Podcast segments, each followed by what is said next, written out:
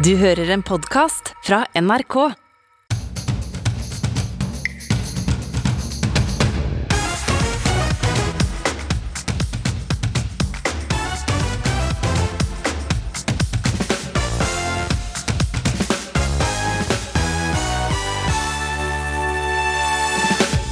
Unge savner god seksualundervisning, og mange mener porno har erstatta pensum.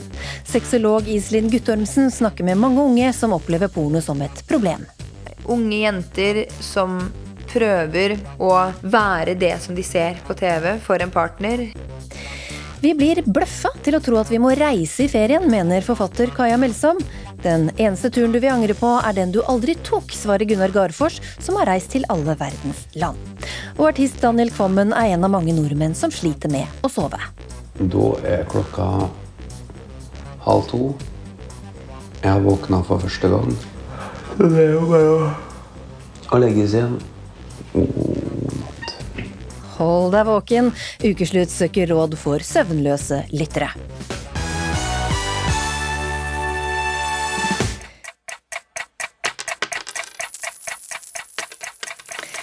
Klokka tikker mot innleveringsfristen for eh, skattemeldinga. For eh, to dager siden hadde en halv million fortsatt ikke åpna skattemeldinga si, og nå har du bare timer igjen på å få det gjort. Og har du vært flink og levert allerede, så er det mulig å levere på nytt, for nå får du kanskje noen gode tips her. For det er vel ingen som liker å kaste penger ut av vinduet, eller hva, Lene Drange? Du er kjent fra Luksusfellen og fra Snaponomi. Nei, Det har du helt rett i. Det er jo alltid lurt å ta en ekstra sjekk for uh, hvis Det kan godt hende at det er noen fradrag man faktisk har glemt.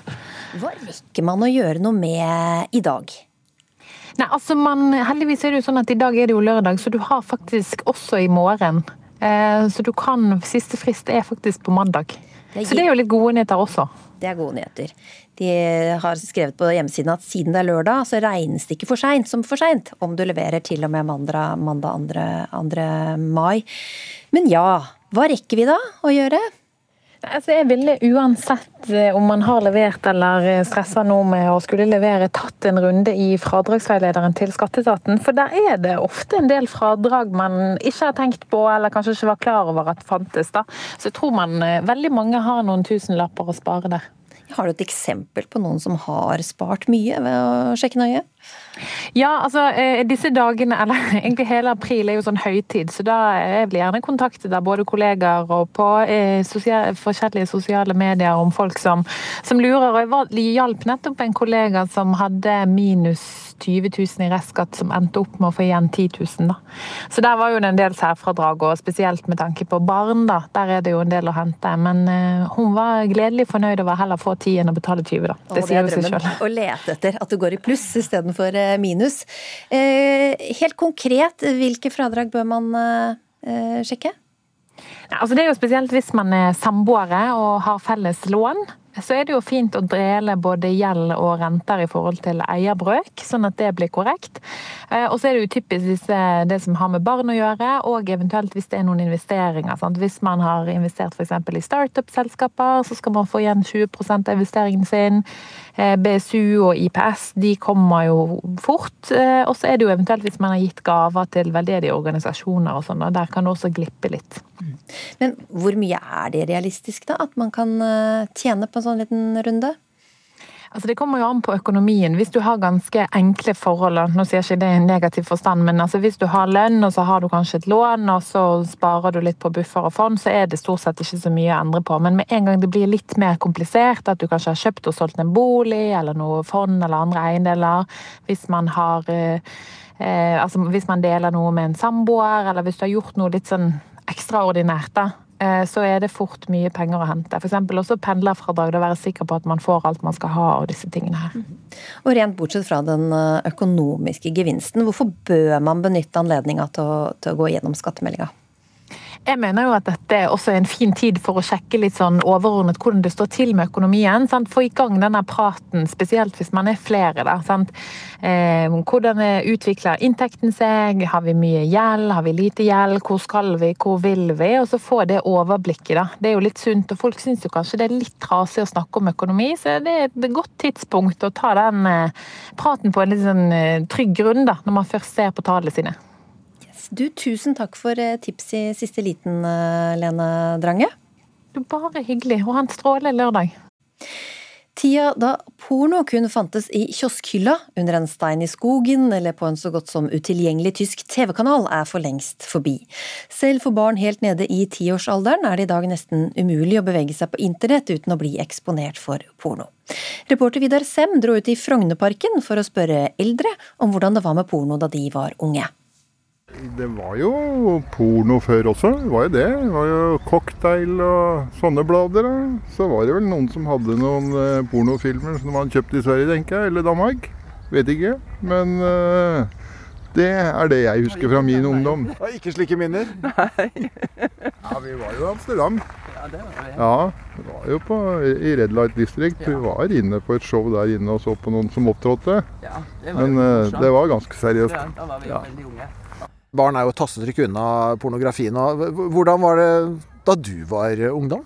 Ja, da hadde vi ikke de der tastetrykkene, i hvert fall. Så nei, det hva hadde, dere? Hva, hadde? hva hadde dere? Nei, hva vi hadde? Jeg vet ikke. Nei, jeg, nei, vet du hva. Jeg har lyst til å svare på vegne av andre, da. Ikke, med, ikke meg selv. jeg ble veldig nysgjerrig her. Ja, nei da. Det var uh, ganske uskyldig, vel. Ja. Var ganske uskyldig. Spørsmålet som diskuteres i kjølvannet av NRKs nye serie om porno, er om pornoen har erstatta seksualundervisninga. Reporter Martine Kaino møtte sexolog Iselin Guttormsen, som er bekymra for de unge. Vi lever i et veldig pornofisert samfunn. Porno, kropp og seksualitet. Hvor går egentlig grensa? En ny TV-serie fra NRK, Porno 2022, utforsker nettopp nordmenns forhold til porno. Altså, vi fikk en isopordildo og et kondom, og det var omtrent seksualundervisning vi fikk. Serien har vekka en årelang debatt om bedre seksualundervisning. Og nå bør også elever om bedre opplegg fra skolen. Sex i seg selv syns folk er vanskelig og kleint og flaut å prate om, så da kan man jo bare tenke seg hvordan porno er. Påvirker og sexolog Iselin Guttormsen mener porno allerede har endra unge sitt syn på sex. Jeg snakker med mange mennesker som, eh, som har, hvor porno har vært et problem. Unge jenter som prøver å være det som de ser på TV for en partner. Gutter som har for høye forventninger til hva de kan forvente av en kvinne. Så vi gjør sex, men vi snakker ikke om sex. Norske barn er ganske tidlig ute med å utforske porno. Assisterende daglig leder ved Sex og Samfunn, Tore Holte Follestad, er bekymra over at barn begynner å se på porno i stadig yngre alder. Vi må begynne å forholde oss til at kropp, nakenhet og seksualitet er noe alle mennesker har fra vi er født til vi dør. Når vi sier at vi skal ha seksualitetsundervisning i barnehagen, så blir folk kjempeforstyrra og tenker at vi skal fortelle folk om orgasme og nytelse og samleiestillinger. Det skal vi ikke, men vi skal fortelle barn om hva kroppsdelene heter. Og så skal vi gi tilpasset undervisning etter hvert som barn og unge vokser opp, eh, slik at en får den informasjonen og kunnskapen en trenger. Alarmklokken går ikke bare hos fagfolkene. Også skoleelever ønsker å få bedre seksualundervisning. Det mener i alle fall elevrådsleder Jenny Sanne Brekke. Det er veldig viktig eh, å forbedre seksualundervisningen da. Um, for det er jo på en måte det som tenker jeg er hovedproblemet. Um, at man snakker for lite om det på skolen.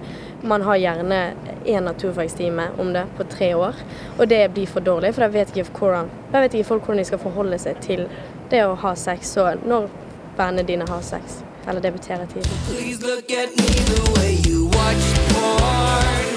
Jeg ser jo at unge selv også roper varsku, og det mener jeg at vi skal ta på aller høyeste alvor. Elise Våge sitter i utdannings- og forskningskomiteen på Stortinget for Arbeiderpartiet. Hun mener den nye læreplanen fra 2020, der barn begynner med seksualundervisning i andre klasse, kan gjøre at færre bruker porno som pensum. Porno er selvsagt en del av det eh, som eh, handler om å snakke om seksualitet. Men jeg tror noe med inngangen her også er å snakke om hva er det som faktisk er en god seksualitet, og hva er det som er en god seksuell helse, og hva er det som faktisk handler om grensesetting, nettopp for å demme opp for baksidene av pornoen. Men sexolog Iselin Guttormsen er bekymra for at pornoen allerede har fått for mye makt. Uh, jeg kjenner at jeg er Jeg har liksom vondt i magen av at jeg selv har skaffet to Satt to jente, jentebarn til verden som skal vokse opp med porno så tett. For at porno kommer alltid til å være der. Det nytter ikke å prøve å stenge ned pornoen. Den, den, vil være der. Men desto viktigere er det at vi prater om porno. Både de positive og de negative sidene ved det, og konsekvensene av det. Men kan det også være noe bra med porno? Ja, altså Porno var jo revolusjonerende. Altså, altså, vi har alltid vært, Menneskeheten har alltid vært glad i nakenhet. Porno har eksistert siden tidenes morgen, om det er veggmalerier og kunst og, og, og, og skriverier. Så porno uh, har vært og kan være fantastisk på mange måter, men dit hvor utviklingen er skjedd i dag, så er det ikke noe hemmelighet at det er skadelig. Så til den eh, harde virkeligheten i Ukraina. I natt har det vært flere russiske luftangrep mot Ukrainas nest største by, Kharkiv. Reporter Eirik Veum, du og fotograf Lukman Gorbani er på reise i Ukraina og befinner dere nå i Dnipro. Hvordan har man merka den russiske offensiven i natt? Det merkes jo med disse luftvernsirenene som går, eh, går hele tiden. Det vi merket ganske sent i går kveld, da vi kjørte fra Kyiv og inn hit, var jo veldig mye militærtransport på veiene. Tunge eh, kjøretøy med stridsvogner og eh, en del lastebiler da med soldater, som er da på vei østover. Og så hører vi det jo, denne, denne buldringen fra, fra artilleri og, og, og, fra nedslag som, eh, som kommer da østfra. Så det merker vi. Og så er det en veldig spent stemning, selvfølgelig. Man følger jo dette her fra minutt til minutt for å se om offensiven fra den russiske siden da beveger seg hit. da. Ja, Hvordan opplever folk situasjonen nå? Det er jo en skremmende situasjon når landet ditt er i krig. Eh, vi har reist mye rundt nå oppe i nord, i områder som russerne okkuperte besøkt de landsbyene og, og, snakket med de menneskene der. og Det, det gjør sterkt inntrykk. Men det får selvfølgelig også ukrainerne med seg. Og uh, frykten er nok ganske, ganske åpenbare og tydelige på at det, de, de, ønsker ikke å havne der. At uh, de skal bli, bli, behandlet på samme måte, de som da bor i områder som ikke har, har vært okkupert. Fordi det som sies, er jo, er jo at det blir begått omfattende tortur, drap voldtekter. Uh, og at russerne ødelegger i alt de kommer over. De landsbyene vi var i, der, der var det ikke så mye igjen. Ja, hvordan ser det ut? Nei, Det er plyndret. Da. Alt som har av verdi, er jo tatt. Så har de ødelagt mye. Eh, det er liksom Kanskje gjør det litt inntrykk at du ser landsbyer som har ingen militær verdi. Mennesker som uh, sitter inne i husene sine og som eh, er 85 år og ikke greier å, komme seg ut.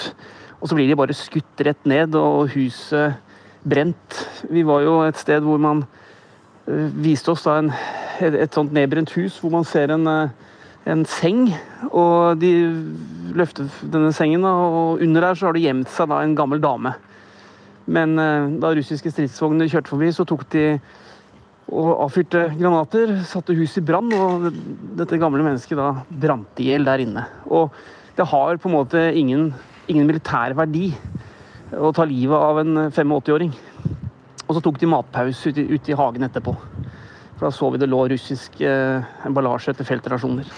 Så sånn, eh, sånn, har det vært her, og det får selvfølgelig ukrainerne vite om. Og det skaper frykt, og ikke minst hat. Det er uh, sterke inntrykk. Tusen takk skal du ha, Eirik Veum, som altså er i uh, Ukraina. Denne sommeren er det mange som gleder seg til å reise igjen, men så spørs det om forventningene til reisen innfris. Hvem har ikke opplevd å komme til et hotell hvor motorveien skiller deg og stranda, eller familieharmonien brytes idet man setter seg på flyet? Vidar Sem spurte folk på gata om dårlige ferieminner og for høye forventninger. Ja, jeg tror at veldig mange har det. Og ja, da tror jeg at når forventningene er så store, og de ikke greier å bli innfridd i løpet av ferien, så er det mange som blir veldig skuffet og lei seg. Har du hatt det sånn? Kanskje. Noen ganger. Har du et uh, dårlig ferieminne? Ja, vi hadde ett når vi skulle til Hammerfest. Ja. Vi skulle kjøre herfra til Hammerfest. Og så kjørte vi gjennom Finland og inn på en campingplass for å overnatte der med barna. Da Da var de vel to og fire år.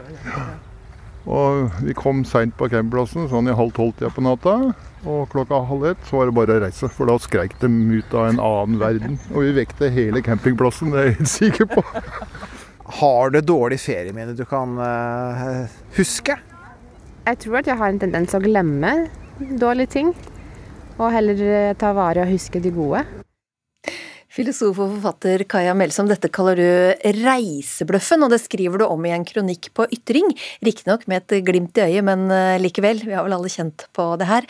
Beskriv hva reisebløffen er. Altså, Det er den bløffen uh, som går ut på at vi blir lurt til å tro at reising er den eneste riktige måten å tilbringe feriene på. Uh, og det er mange aktører som vil ha oss til å tro det, bl.a. reiselivsbransjen. Og vi, uh, vi, går fem på. Hver eneste ferie så tror vi at livet skal bli så mye bedre når vi bare kommer oss på dette nye stedet med og får alle disse nye impulsene. Uh, men så veldig ofte så går det gærent. og det kan forklares på mange måter, men ofte så er det gamle konflikter som vi i den travle hverdagen har skjøvet under teppet, som blusser opp i stedet for den romantikken vi så for oss f.eks. skulle blusse opp over det blafrende stearinlyset. Altså, det er ikke en myte at etter feriene, da, eh, det er da det kommer det et rush av skilsmisser. Gunnar eh, Garfors, du har besøkt alle verdens land to ganger og skrevet uh, bok om det. En bortreist reisebløff, svarer du i en annen ytring. Hvor er det Melsomt tar feil? Nei, jeg syns Melsom tar feil på de fleste områder. Rett nok med et glimt i øyet, så du sier. Altså For meg, er det å ikke reise er en fornærming mot eh, nysgjerrigheten min, mot eh, kreativiteten min, mot intellektet mitt. Fordi jeg lærer så ufattelig mye av å reise. Jeg lærer om meg sjøl, jeg lærer om andre kulturer, jeg lærer om andre mennesker, jeg lærer om relasjonene oss imellom. Um, og det å opp oppleve andre ting på den måten, det for meg er skikkelig vitamininnsprøyting. Men selvfølgelig det er et poeng her at det går litt på hvordan en reiser, og kanskje den største feilen veldig mange av oss gjør når vi er på tur, eh, er å bare snakke med de andre vi reiser med, som har samme bakgrunn, som er fra samme land, gjerne fra Norge, eller iallfall fra den vestlige verden, i stedet for da å bli kjent med de som faktisk bor på plassene, og det er de som er eksperter på sin plass, I stedet for å bruke kanskje ei reiseguide, ei bok, så bør en heller da snakke med de her folka eh, og finne ut hva en da skal gjøre. Da blir ferien nesten en garantert suksess. Ja, Kaja Melsom, Vi blir ikke lykkeligere av reise, kanskje, men gir ikke litt midlertidig lykke i det minste når du er på tur? Jo da, selv jeg har vært på mange bra reiser. Men jeg mener at eh, reise Altså at vi, det er så mange myter om reising som opp opprettholder eh, den høye reisevirksomheten som vi har. Eh, og det er jo et ekstremt stort miljøproblem. Det er eh, Reiselivsbransjen står for 20% av klimagassutslippene, så vi kan rett og slett bare ikke fortsette på den måten som vi gjør. Og så mener jeg at det er veldig mye snobberi. Jeg vil slå litt hull på den der jakten på det autentiske. Fordi det er liksom Ja, vi later som om det er menneskemøter og kulturelle møter vi, vi er ute etter, men det er få ting som fungerer bedre som klassemarkør og identitetsmarkør og statussymbol som reiser. F.eks. eh, på Oslo vest så er det liksom det er sosialt selvmord å dra på chartertur til Tenerife. Eh, da skal man helst på noe sånn landsbyferie i, på den italienske landsbygda, eller ikke sant. Så dette handler Å se på ferieselfiesene. Altså hvor mye For hver selfie som ligger i sosiale medier fra ferier, så er det sikkert tatt 100 uh, før man kommer fram til det ideelle bildet. Uh, så man kan jo lure på om folk egentlig ser noe særlig annet enn sitt eget speilbilde når de er på tur. Ja, Er det bare en bløff, uh, Gunnar? Er du alltid like lykkelig på de fine selfiene dine på Instagram-profilen din? Ja, altså Jeg er nå stort sett eh, lett, eh, lettreist og lett lykkeliggjort, holdt jeg på å si. Kanskje har det noe med omgangskretsen til å gjøre, eh, hvis en da føler at det, det må vises fram alle de fine tinga. Det er noe en gjør òg i vanlig livet, i dagliglivet, holdt jeg på å si, og hjemme, å vise fram fine ting. Altså, Når du sier 20% står reiselivsnæringa for, så er det et tall som er relativt mye høyere enn alle andre tall jeg har sett. Men litt av problemet med det å peke peke på pekefingeren på reising som da en enorm klimasynder. Det med flyskam. Det er så veldig enkelt å gjøre det, og da frigjør da de som ikke reiser så mye, frigjør seg på mange måter sjøl fra og det å være utslipper. Og det vi vet er at vi må kutte innenfor alle bransjer. La oss nå si at vi slutter å flyge, som er helt urealistisk, hvis vi da ser på arbeidsplasser og transport og det ene med det andre. Da kutter vi da utslippene eh, med 2 Hvis vi forbyr flyging i morgen, så eh, kutter vi utslippene i, i verden med, med 2% Det er nesten ingenting. Kan vi heller da kutte utslippene fra flybransjen med la oss si 15-20% så gjør vi det samme med tekstil, så gjør vi det samme med, eh, med transport, så gjør vi det samme med, med dingser og ting og saker og greier som da blir produsert i Kina, frakta med oljeslukende svære fraktebåter hit. Men poenget er at vi, hvis vi da kryss, eh, kutter 15% innenfor alle bransjer, ja da kutter vi klimautslippene med 15% og ikke med 2% hvis vi da bare eh, kutter fly. Men eh, miljøaspektet til side, da. Hva er ditt råd, Kai Melsom, til folk denne sommeren? Nei, jeg tenker at folk kan prøve å være hjemme. Og så ser de De kan kanskje ta for deg noe kjøkkenskap og begynne å rydde og la tankene fare. Du kan begynne å tenke på alle de feriene du har vært på i livet. Jeg kan garantere deg at du ikke har fordøyd de inntrykkene. Vi bare, og Det er jo problemet med det moderne mennesket. Vi bare pøser på med nye inntrykk, ny informasjon, uten å fordøye noen ting. Også, men det vi, det vi mangler, det er jo å tenke gjennom ting og danne oss et slags helhetsbilde av, av livet og, og all, all, informasjonen som raser inn på oss hver dag. Hva sier du til det, Gunnar Garfors? Bli hjemme, rydde i skuffer og skap og tenke på de flere hundre reisene du har allerede tatt? Ja, jeg har tatt ganske mange reiser. Det er jo ikke alle som har vært på reise, og da syns jeg hun da tar vekk noe som er eksepsjonelt verdifullt. Så hva er din oppfordring i sommer, da? Nei, jeg syns vi skal eh, reise eh, Vi skal reise gjerne eh, lokalt. Vi kan godt reise i vårt eget fylke, i vårt eget land. Eller så kan vi da reise utafor denne vestlige bobla, i landa i verden, som på mange måter er ganske like. Men for all del, gjerne reise ikke fullt så mange turer. Kutte ved helgeturene til New York og til London og Paris, og kanskje heller reise mer i Norge. Når en først reiser langt, da kan en da kanskje være lenger på hver plass, og reise utafor den vestlige bobla. Tusen takk, sier jeg til dere begge to, Kaja Melsom og Gunnar Garfors. Sliter du med å sove? En av fem nordmenn lider av kronisk søvnmangel. Salget av sovemedisin og sovehormon øker, mens utvalget av søvnapper og podkaster bare blir større og større. Reporter Magnus Bratten fikk artist Daniel Kvammen til å ta Ukeslutts lyttere med inn på soverommet i de søvnløse timene. Ok. Da er klokka halv to.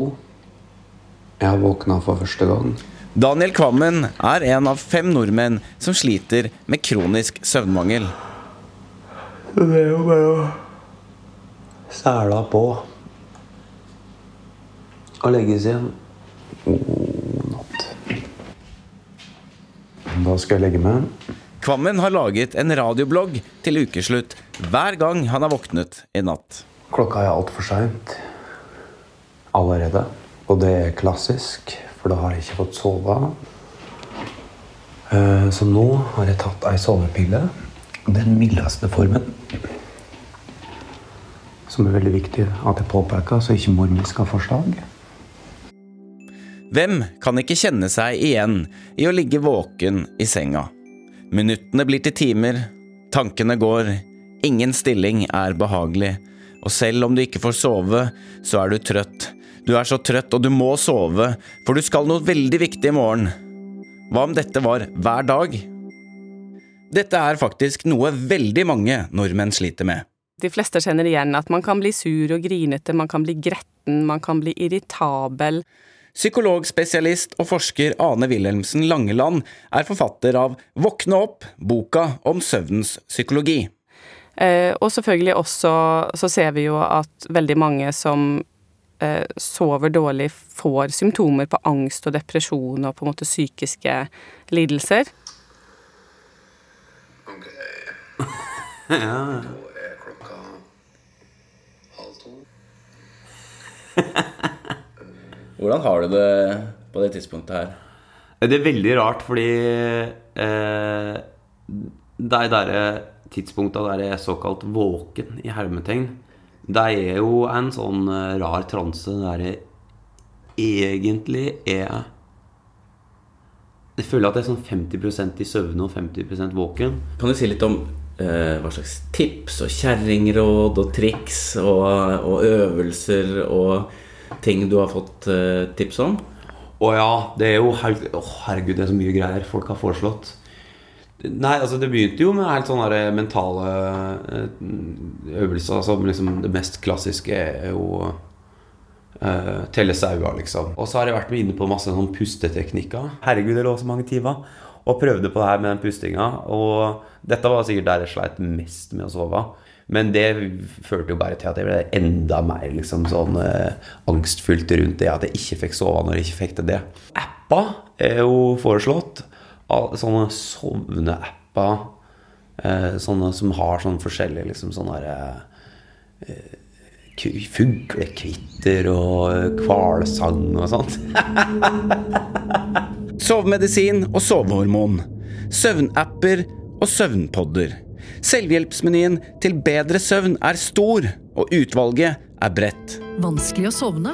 Så jeg kasta meg ut i denne verden, full av hjelp til bedre søvn. Hender det at du har behov for å roe litt ned? Det å ha søvnproblemer, det er så lammende grusomt, ikke sant? Altså man, man får så utrolig panikk over Oi, oi, oi, hvis ikke jeg klarer det nå. Programleder Vera Kvål bak sovepodkasten God natt. En enslig dame kommer inn på bussen. Har selv ligget mye våken om natta. For bussjåføren, som kjenner igjen damen. Så jeg har prøvd, ja, jeg har prøvd mye rart. ikke sant? Altså fra urter som skal være bra, og jeg har sånne små glass ikke sant, med forskjellige ting. Jeg vet ikke om det fungerer, jeg, men akkurat nå hørte det plinget. Jeg får veldig mange hyggelige tilbakemeldinger, og noen påstår at de savner av det, og det er jo fint. Samtidig så er det jo, tror jeg de fleste først og fremst på en måte bruker det nesten som en liten kan man kalle det en sånn en bitte liten meditasjon. Ikke sant? Ta bort det visuelle, lukk øynene, prøv å få en sånn intens liten opplevelse på rundt ti minutter. Så tror jeg det at det kan være litt beroligende på nervene. Men om du sovner, det vet jeg ikke. Ved å stimulere punkter i huden hevder en nevrofleksolog å kunne påvirke kroppens funksjoner via nervesystemet. Kjenner du igjen litt nå? Ja. De kjennes godt. ja, absolutt. På Sankthanshaugen i Oslo begraver nevrofleksolog Alexander Andersen hendene i magen på sin pasient. Det, her er det veldig ofte mye spenninger når det, når det er litt uh, stress involvert. Mm.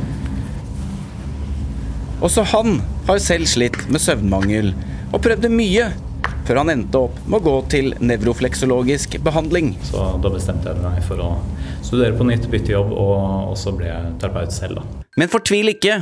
Alt håp er ikke ute.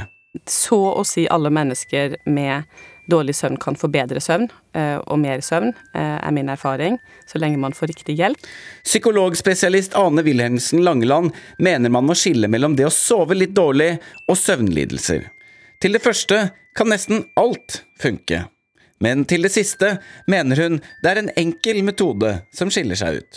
Å holde seg våken, være våken, er faktisk det beste tipset for å sovne. Så man må på en måte, Det er akkurat som man må avlære hjernen at sengen er et sted du ligger våken. For jo mer våken du ligger i sengen og stresser med å få sove, jo mer på en måte begynner hjernen å litt sånn eh, ikke helt vite om den skal sove eller være våken i sengen. Da er jeg våken for andre gang halv seks er liksom nærme. Det å stå opp med det for tidlig, altså mm. Ja, fy fader. Kalkulator-Trygve er blant karakteristikkene som har smelt fra talerstolen på Fremskrittspartiets landsmøte, men eh, omtrent akkurat nå avsluttes det som har vært Sylvi Listhaugs første landsmøte som partileder i Frp. Og politisk kommentator Lars Nehru Sand, hvordan merker man at det er Listhaug som nå er sjefen i Frp? Man merker kanskje i mye større grad at Listhaug har fått en ny rolle i partiet ved å være en samlende leder, enn man merker at eh, Frp har fått en ny sjef. Men det er fordi Fremskrittspartiet nå både har og tar seg god tid med å stake ut en litt ny kurs, eh, vel ute av regjeringskontorene. Og fortsatt sulten på makt, både i storbyer til neste år, og eh, å komme inn i et regjeringssamarbeid med Høyre igjen i 2025. Ja, Hvilken vei tar Sylvi partiet? Nei, Det er jo det partiet skal enes om eh, det, i løpet av dette kalenderåret vi nå er inne i, og, og, bruker den tiden godt. Men eh, det vi har lært denne helgen her, er nok et, et eh, Fremskrittsparti som er opptatt av å vise at de er annerledes enn alle de andre partiene. Ikke så mye i innvandringspolitikken lenger, men spesielt i klimapolitikken f.eks. Og et parti som viser at de er villige til å gå litt lenger og ha litt friskere forslag enn Høyre, som de jo ønsker å samarbeide med, eh, og at det er synlig på, på flere politikkområder. Så var det ett forslag som gjorde at enkelte tvilte på at de var på rett landsmøte? Ja, Christian Tybring hadde spurt om han var på MDG-landsmøtet, rett og slett fordi at eh, flere i Frp har tatt til orde for at Fremskrittspartiet bør gå inn for å fjerne moms på reparasjonstjenester. Typisk hvis du går til skomakeren eller gjør andre ting. Eh, fordi det er også i FrPs interesse at det blir eh, mindre søppel, mer gjenbruk. Og selvfølgelig at Fremskrittspartiet er et parti som ønsker lavere skatter og avgifter, deriblant moms.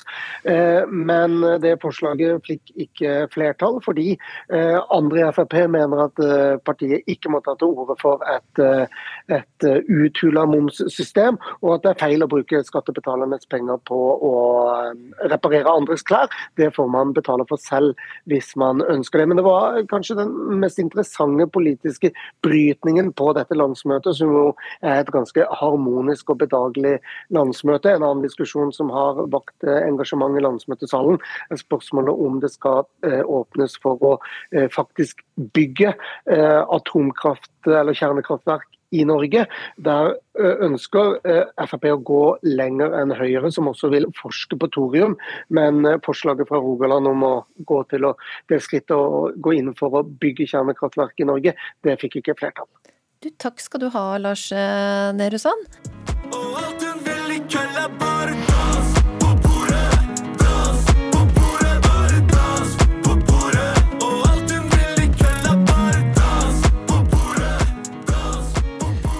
Det har blitt eh, mye fokus på penger, flotte busser og sosialt press og utestenging i russetida i år.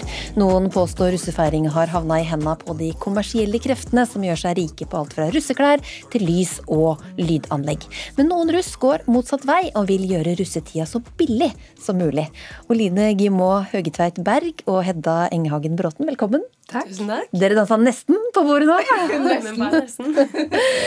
dere går på Edvard Munch videregående skole i Oslo, er da russ. Mm. Eh, og her kommer dere i fullt russeutstyr, men eh, dere har ikke brukt så mye penger? Det er uniform denne måneden. Ja. Eh, eller disse 30 dagene. Ja. Um, vi har ikke brukt så mye penger der. Nei? Vi har brukt 300 kroner på dressen av materialer. Vi har jo sydd den selv. Mm. Vi er veldig heldige. Vi, har inn på, vi kom inn i første klasse på design og tekstil med studiekompetanse på Edvard Munch. Så vi har fått eh, ja. både kunnskapen og egentlig privilegiet til å kunne sy dressen selv. Mm. Ja, for det her ser helproft ut. Jeg kunne ikke gjette liksom, at uh, dette var hjemmesnekra. Nei, jo, tusen takk. det får vi høre ofte. det, er, det er faktisk noen folk som ikke tror på oss når vi ja, sier det. det sånn, jo, men vi har sydd den selv. Det er helt sant. men uh, dere har kanskje en liten business i det her? Uh, jo, altså læreren vår foreslo faktisk at vi skal um, gjøre mønsteret ganske forenkla og selge det til de neste generasjonene, sånn at flere på en måte kan ha den muligheten. da. Mm. Fordi som du nettopp sa, så er det jo den russedressen fra eh, som alle kjøper, er jo ganske dyr.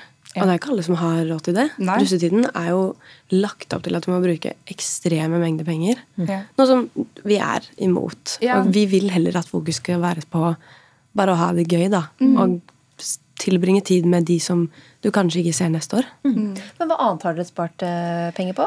Russekort. Det kjøpte vi via sånn visittkortside.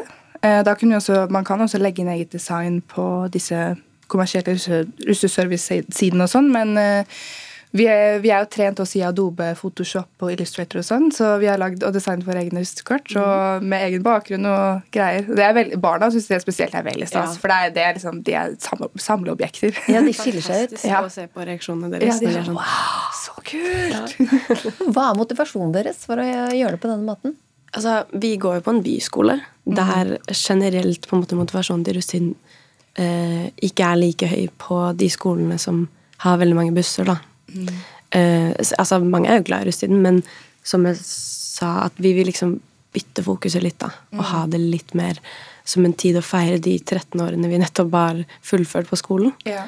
Uh, og da er vi motivert til på en måte å gjøre det til en tid som er mer inkludert. Og ved å finne disse alternativene, Mm. så er det lettere å inkludere flere. Ja, dere er også en del av et konsept, som det jo Mm, heter nå. Men eh, er det noe innafor og utafor på, på det? Vi er, vi er en ganske liten klasse, sånn klassen vår er Ja. 15 stykker.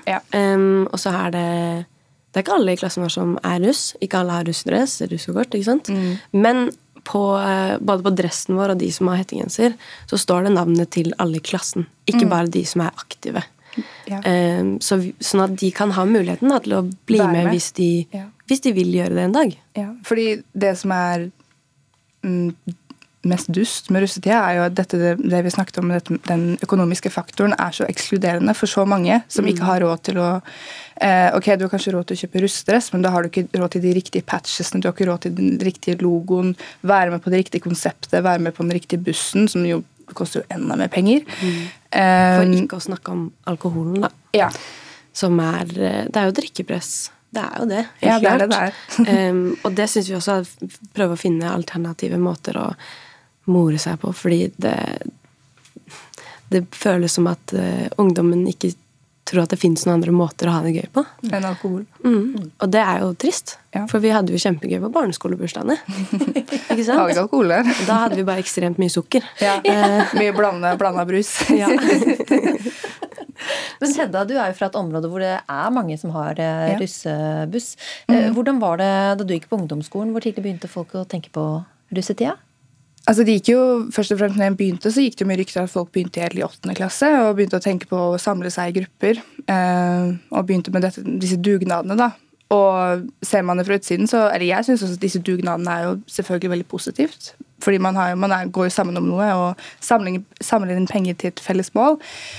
Men det er jo også en sånn popularitetsfaktor som ligger der. Spesielt på skoler hvor eh, det er disse liksom, sossemiljøene, som man kaller det.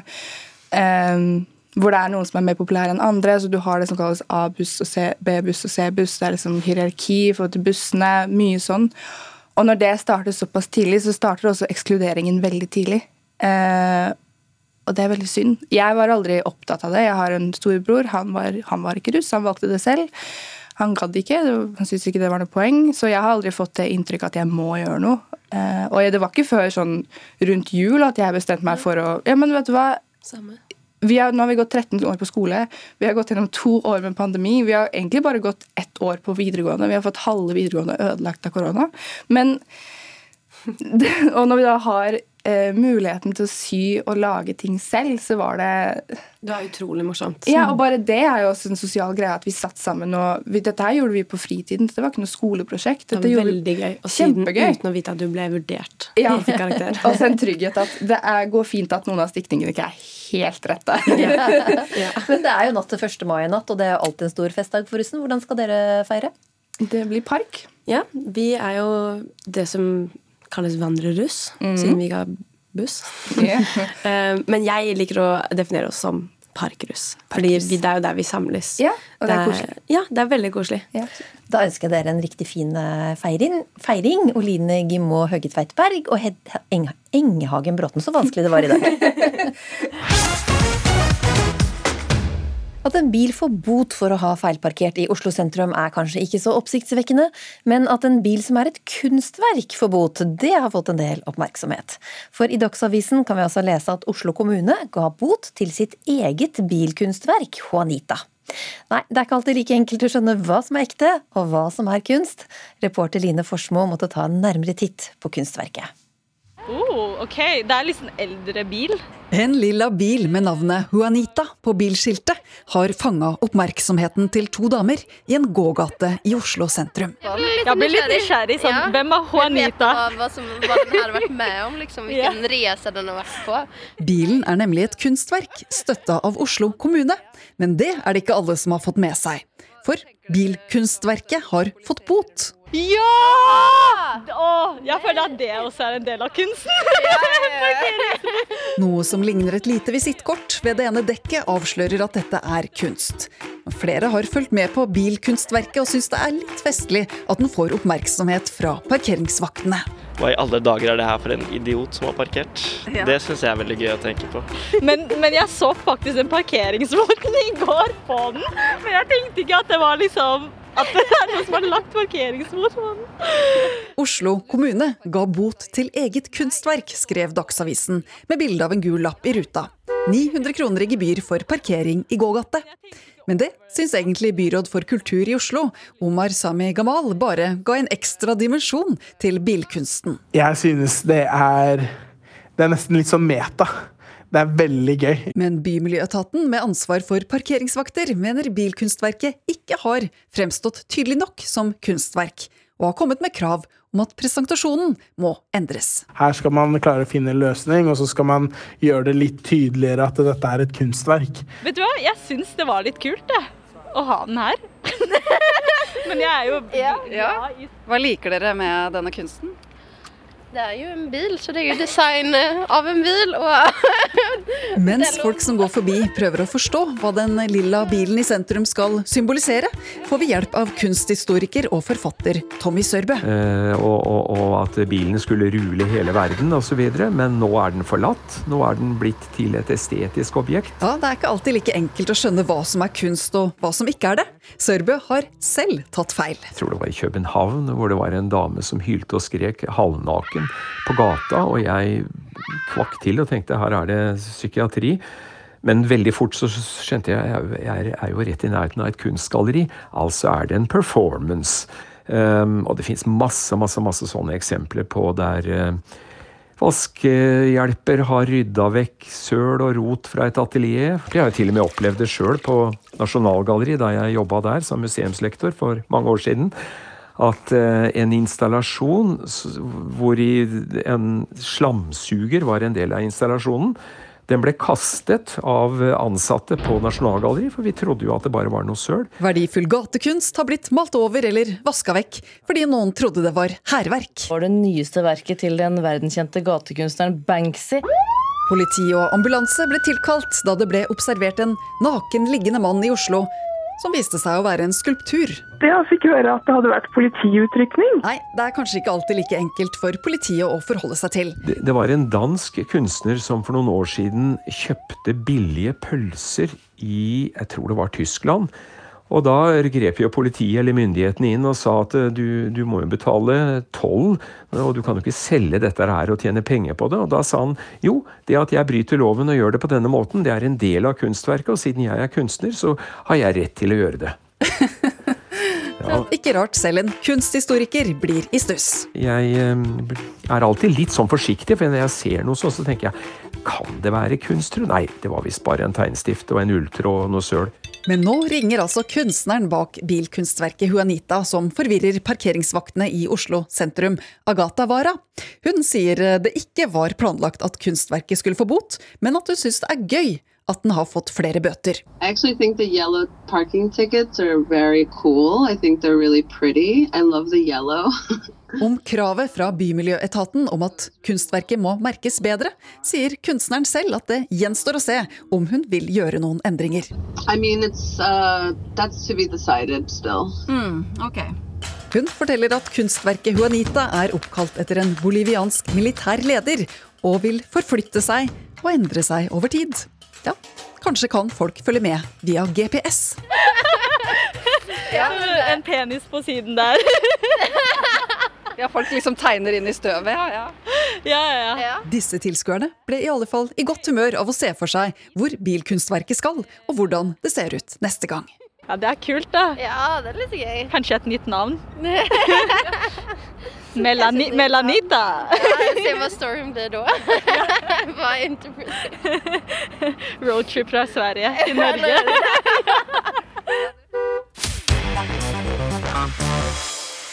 Det nærmer seg altså 17. mai og tid for å hente fram den staselige bunaden, men eh, det kan også by på blanda følelser å ta på seg festplagget over alle festplagg. Tiril Myhre Skaar, du hadde så lyst på bunad at du brukte konfirmasjonspengene dine på gjærbunaden Karen, men så ble det feil da du tok den på på 17. mai, fortalte du til Byas i Stavanger Aftenblad. Hvordan ble det feil? Jo, altså jeg fikk jo denne eh, Jeg kjøpte denne bunaden, eller festdrakten, Karen-drakten, eh, når jeg konfirmerte meg. For jeg hadde lyst til å ha et arveplagg. Jeg, er jo veldig stolt og syns de er veldig fine. Men eh, mitt kjønnsuttrykk har aldri egentlig vært feminint siden jeg var liten. Eh, så det ble jo egentlig veldig rart å plutselig skulle gå rundt i en ja, feminin kjoleplagg. Eh, men det var jo på en måte tradisjon, da, så man tok jo den på når man liksom var en usikker tenåring og ja, hadde den på kanskje fram til, til russetida. For da skulle du ikke bruke bunad. Da skulle du jo gå i russebuksa. Men hvordan følte du det da når du hadde den på? Når jeg hadde på den Bunaden? Ja. Eller drakta? Eh, det var jo litt sånn Ja. Det er liksom å ta på en rolle. Nå har jeg eh, studert eh, Når jeg gikk på, på videregående, så studerte jeg drama. Så det var litt sånn samme følelse der at eh, nå Dette er en rolle. Nå tar jeg på dette, og så mm, Når dagen er over, da blir jeg meg sjøl igjen. Men så har du nå valgt en utradisjonell eh, løsning. Du har komponert din egen kjønnsnøytrale festdrakt. Kan du beskrive den? Ja, det kan jeg. Ehm, jeg hadde Jeg tok de delene fra den fine Karin-drakten som jeg, jeg trivdes i. Altså skjorta og sølvet. Og så skaffa jeg meg eh, mer maskuline deler. Eh, eh, festdraktdeler. Som for eksempel vest og nikkers og strømper og sko. Som er litt mer maskulin prega, da. Um, og det ene sølvet i, i drakta, kalles for konesmykke. Det gjorde jeg om til en, eh, et klokke, klokkelenke. For å gjøre en litt mer maskulin. Altså bare for å gjøre en litt mer meg. Så, ja. Og hvordan føles det å gå med den? Du, det føles så, så rett. Det føles ut som jeg er kommet hjem, på en måte, i mitt eget uttrykk. Det, det føles rett, og det føles ut som at eh, når folk ser meg, så ser de hvem jeg er. Fordi hva skjedde med den eh, andre, den første bunaden du hadde? Eh, Jeg studerte i Kristiansand etter videregående, og da, da brukte jeg unnskyldning på at å ja, nei, der ligger jo bunaden ligger jo hjemme, så da må jeg jo dessverre gå i dress her, for jeg kan ikke bruke masse penger på å hente den, og ja, det, det ble jo bare en unnskyldning da, for jeg føler meg jo bedre i maskuline klær enn det jeg gjør i, ja, veldig feminine klær. Mm. Marianne Lambersøy, du er innehaver av Embla bunader i eh, Stavanger, og dere har faktisk laget deres første kjønnsnøytrale bunad. Kan du beskrive for lytterne hvordan den ser ut? Ja, den, eh, så det er, bare, det er bare et forslag vi har lagt. Eh, fordi at vi har jobba med dette uttrykket på denne bunaden i over et år. Jeg har jobba med mange forskjellige transpersoner som alle hadde eh, egentlig veldig stor, veldig sprikende eh, forslag til uttrykk. Eh, og da tenkte jeg det at jeg tar litt av hver eh, tilbakemelding, og så prøver vi som eh, butikk å sette sammen det uttrykket som på en måte blir Embla bunader sitt uttrykk på denne bunaden. Og så tenkte vi det at alle sammen som kommer til oss, som har lyst til å ha en sånn bunad, de kan få lov til å se hvilke stoffer vi har tilgjengelige, og så viser vi den vi har. Eh, og så kan de selv sette sammen det de ønsker. Men akkurat den vi har satt sammen, det er en eh, blazer som du kan velge om du vil ha med kalemank eller fløyel, eller om du vil strikke den selv, fordi at bunadsstrikk de har kommet med oppskrift. Og vi har òg en strikka vest. Og så har vi Vi tenkte veldig lenge på hva gjør vi med benklær. Skal det være skjørt? Skal det være nikkers? Skal det være bukse? Hva skal det være? Men så landa vi til slutt på ehm, på, på lange bukser, akkurat på den som vi har stående i butikken. Og det er da brukt damask fra Gudbrandsdalen i benklærne. Og det er det samme som f.eks. skjørtet på rogalandsbunaden ofte blir lagd i. Og så er det veldig fargerikt. Det er veldig fargerikt. Vi har tenkt både maskulint og feminint uttrykk når vi velger stoffene. Og jeg tenkte nå skal vi sette sammen absolutt det fineste som jeg kan klare å få tak i i dette landet, og det føler jeg at vi har gjort. Og Barbro Tronhus Stolien, Storlien, du er styreleder i Norges eh, Husflidslag. Hva syns du om at den første kjønnsnøytrale bunaden har kommet? Eh, jeg syns jo det er fint. Altså, vi, eller jeg er veldig for bunadsglede. At man skal føle seg vel og ha lyst til å ha på bunaden. Og kan tilpasse den til altså, eget ønske. Så jeg syns det, det Tiril har gjort, er kjempefint. Det, det handler jo om å, om å være glad, glede seg til å ta på bunad. Men hva er lov når man skal lage en, eh, en, en type bunad? Det er jo Du kan si at det er jo egentlig ikke så veldig mye lover som folk kanskje tenker på. Det er jo ikke noe bunadspoliti som sitter og passer på. Eh, det er jo sånn at eh, si, Mange av bunadene er jo basert på gamle, gammel klesskikk. Og da har man jo en del et utgangspunkt der. Og ellers er det jo sånn at jeg tenker at man holder seg gjerne innenfor ett område. Sånn hvis du skal lage en egen bunad, eller sette sammen deler, da. At du holder deg innenfor ett jaktområde, f.eks. da eh, at det er Gudbrandsdalen, kan si fra topp til tå. Eller Rogaland fra topp til tå, eller Telemark. Men ikke blander eh, innbyrdes? Nei, for som jeg pleier å si, at det sammenligner jeg litt med med fotballag er det å si at du kan jo ikke ha trøya til Liverpool og buksa for Manchester United sammen. skal vite hvilket lag det er fra. ja, man skal vite det. Marianne Lambertshøi, hvordan har reaksjonene vært på den kjønnsnøytrale bunaden? Ja, så eh, den Når vi setter sammen det som vi kaller en bunad, og som er noe helt nytt i Norge, så forventer vi oss eh, reaksjoner. Det var, vi, det var, vi, forberedt på. Og eh, bare sin full fart. Eh, Hulda Garbag eh, blanda litt eh, ganske mye drakttradisjoner. Eh, litt fra der og litt fra der og litt fra der. Og hun ble kalt bunadens mor, så det er en egen diskusjon for seg. Men vi har fått med aller mest positiv respons. Det er det stort sett over hele linjen så er det veldig positivt. Og så er det alltid selvfølgelig noen Når noen er veldig positive, så er det noen som er veldig negative. Og sånn er det. Og sånn, det, det kan du se på kommentarfeltet, f.eks. på TikTok, kanskje aller best. Mm. Tiril Myhre Skaar, nå skal du, du skal til, i konfirmasjon nå i, i helga og skal ha på deg den kjønnsnøytrale festdrakta. Hvordan eh, blir det? Jeg gleder meg, for uh, nå har det jo vært uh, pandemi i to år, så den har ikke egentlig fått Altså, jeg lagde den jo i 2020, uh, eh, så den har egentlig ikke fått liksom vist seg fram, egentlig, utenom liksom til venner og nære.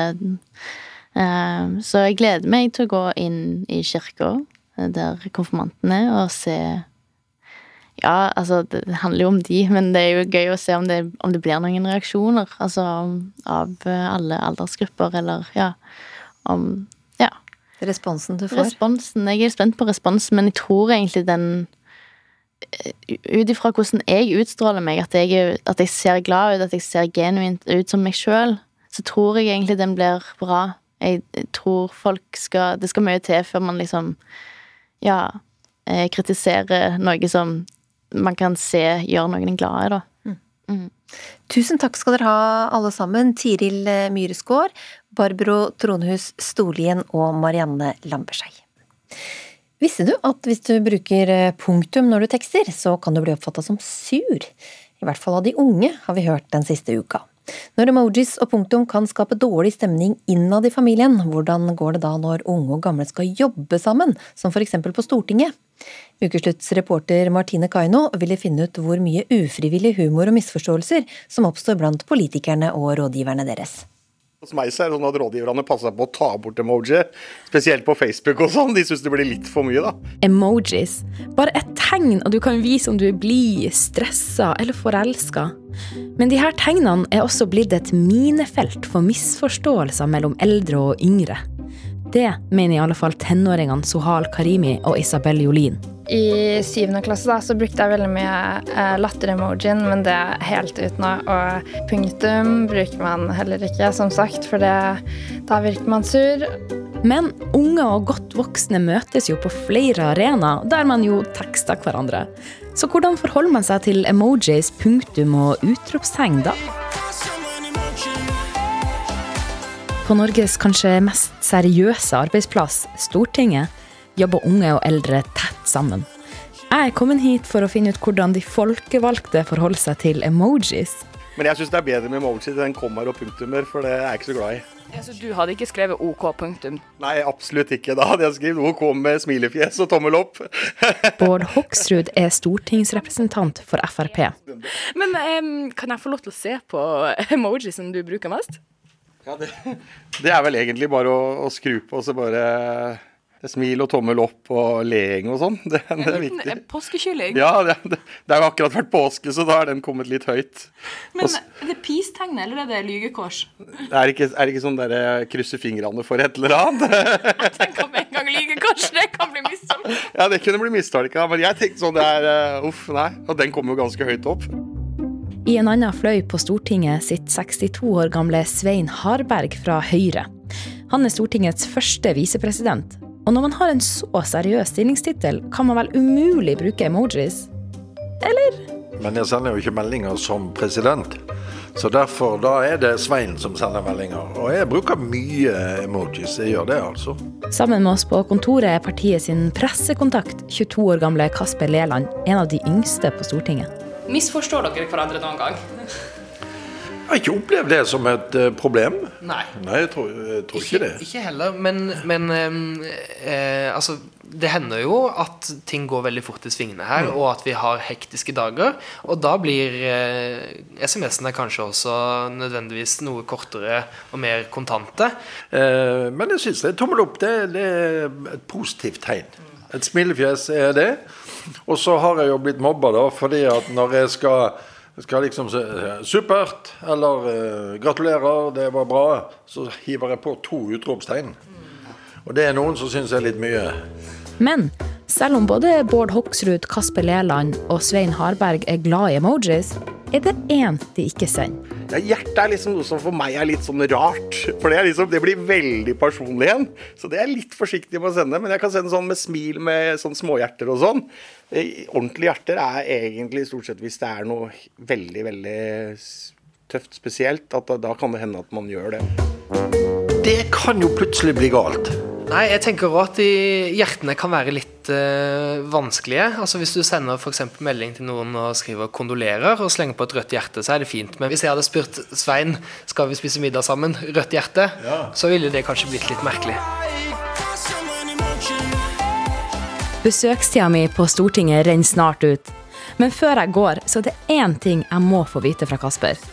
Hvordan emoji vil han bruke for å beskrive statsministeren?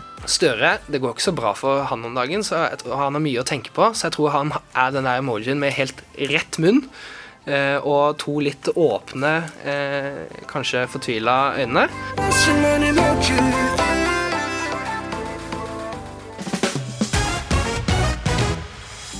Ukeslutt dropper punktum i dag for ikke virke sure, smil og blunke fjes, men eh, nå er vi i eh, mål. Ansvarlig var Helga Tunheim, teknisk ansvarlig Hilde Tosterud, og her i studio så har du hørt meg, Linn Beate Gabrielsen.